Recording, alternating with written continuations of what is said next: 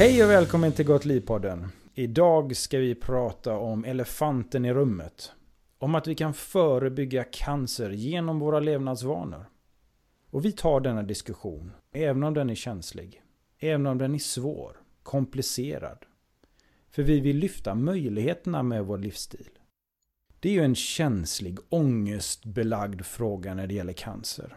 Jag la eh, några år och försökte föra ut budskapet att vi faktiskt kan förebygga denna sjukdom. Och det är väldigt svårt att arbeta med detta. Det är ju en fråga som rör oss alla på något sätt. Om vi själva eller våra närstående som drabbas av denna hemska sjukdom. Men vad är det egentligen som orsakar cancer? Och jag ställer denna frågan till Gunnar Johansson. Han har jobbat i 40 år med livsstilsrelaterade sjukdomar och mat. Gunnar, hur är det egentligen med cancer? Vad är det som orsakar den här sjukdomen? Det kanske är förvånande att det är så stor andel av miljön som är orsaken i cancer. Och, då, och när jag menar miljö, då menar jag alltså för människan och där ingår då kosten. Och det är alltså ungefär 90 till 95 procent av all cancer som orsakas av miljöfaktorer och, och bara 5 till 10 procent som orsakas av gener. Ni hörde väl detta hoppas jag. 95 procent ungefär. Det är ju helt fruktansvärt mycket. Det är brutala siffror. Hur eh, kommer det sig att det är så lite ifrån generna? Hur vet man om det egentligen? Ja, det här har ju intresserat mig länge och det är redan på 1970-talet när jag började forska om kost och cancer och jag skrev sedan en avhandling om kost och cancer. Då hade man Eh, bland annat studerat japaner som, som flyttar till olika delar av världen och då främst till USA. Japan var ju sönderbombat efter andra världskriget och det var fattigt. Och där hade man eh, lite av tjocktarmscancer och bröstcancer och prostatacancer.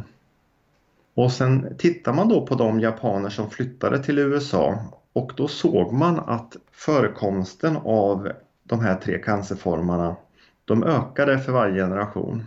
Och efter ungefär tre generationer då hade man samma cancerformer hos de här japanerna som hos den omgivande amerikanska befolkningen. Och det är en typ av studier som visar då på att det är livsstilen som har väldigt stor betydelse. Påverkas de olika typerna eh, av cancer på olika sätt när det gäller mat? Ja, det är ju eh, lite olika för olika cancerformer. Om vi till exempel tar en cancerform som lungcancer som då främst är relaterad till rökning så är det ändå ungefär 20 procent som där kosten är orsak. Och tjocktarmscancer det är ju väldigt starkt kostrelaterat, ungefär 70 procent. Prostatacancer ungefär 75 procent. Bröstcancer ungefär 50 procent. Så att kosten har en väldigt stor betydelse för, för många cancerformer och våra vanligaste cancerformer.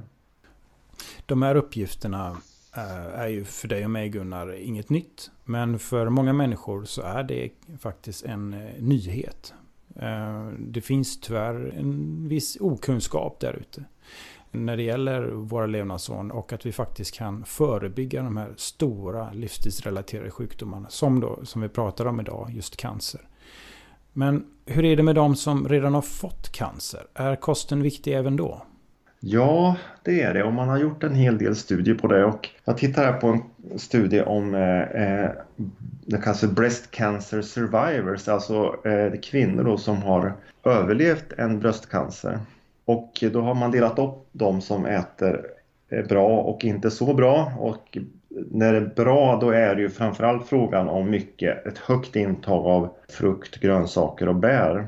Och de som inte åt så mycket av, av de här livsmedlen, då var det alltså fyra gånger så vanligt att de fick tillbaks cancern jämfört med de här som åt eh, mycket frukt, grönsaker och bär.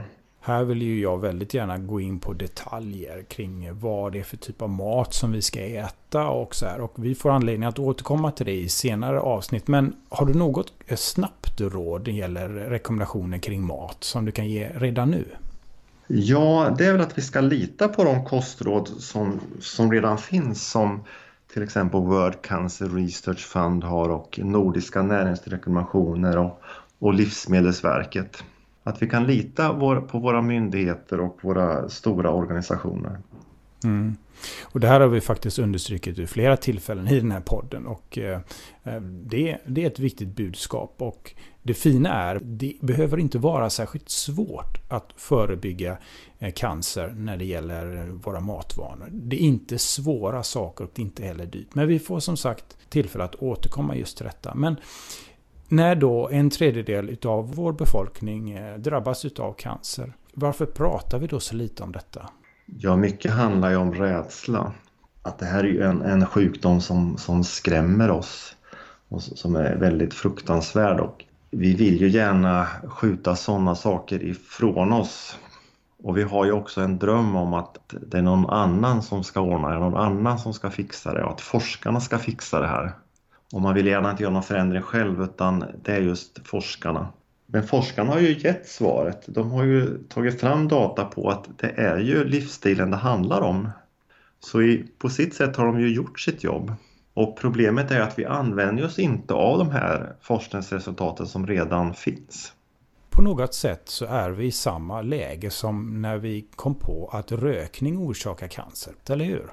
Eh, ja, absolut. I början var det också en, en förnekelse av det, de här sambanden som man hittade. Mm. Och när jag gick och tänkte på att vi nu skulle prata om denna fråga så tänkte jag på mig själv. Och vi har pratat om det tidigare att jag tycker om salami till exempel. Eh, och, eh, men jag äter inte särskilt mycket kött. Men eh, lite grann äter jag och försöker inte äta mer då än 500 gram i veckan som då är rekommendationen. Och då inkluderas då charkuterier där i. Men jag har länge tänkt att jag borde bli vegetarian. Och jag tänker också dessutom vad det är egentligen som behövs för att man ska förändra sig i de här vanorna. Och det är just denna diskussionen som vi hoppas att eh, ni vill lyssna på eh, i nästa avsnitt. Något som du var inne på här Gunnar, att det är känsligt och ångestbelagt, handlar väl mycket också om att man ser på sin livsstil eh, istället som en möjlighet att förändra sina vanor och på så sätt då skapa goda förutsättningar för god hälsa, eller hur?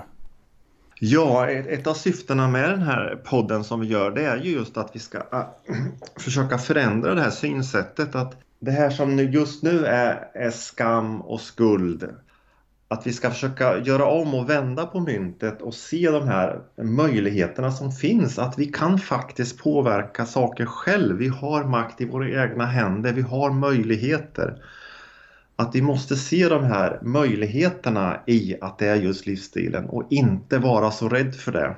Och det är det som vi vill fortsätta med att prata om i kommande avsnitt. De här möjligheterna och försöka komma bort från det här med skuld och skam. Detta är ju oerhört viktigt även för myndigheter och för institutioner. Och jag tänker på Cancerfonden till exempel som försökte, som vi har pratat om tidigare också, att eh, försökte komma ut med budskapet att vi kan förebygga cancer. De tryckte upp material och sådär som var ganska konkret att vi inte skulle äta kött och så vidare. Men detta gick ju som sagt inte att föra ut i eh, svensk media utan att det, de fick en anströmning av mycket kritik från olika lyssnare och de förlorade naturligtvis forskningsmedel på detta och de drog ju tillbaka den här informationskampanjen. Detta är ju olyckligt om inte myndigheter och forskningsinstitutioner kan eh, gå ut med den nödvändiga informationen som behövs för att förebygga den här sjukdomen. Eh, utan att då utsättas för kritik och annat. Vi måste våga prata om frågan.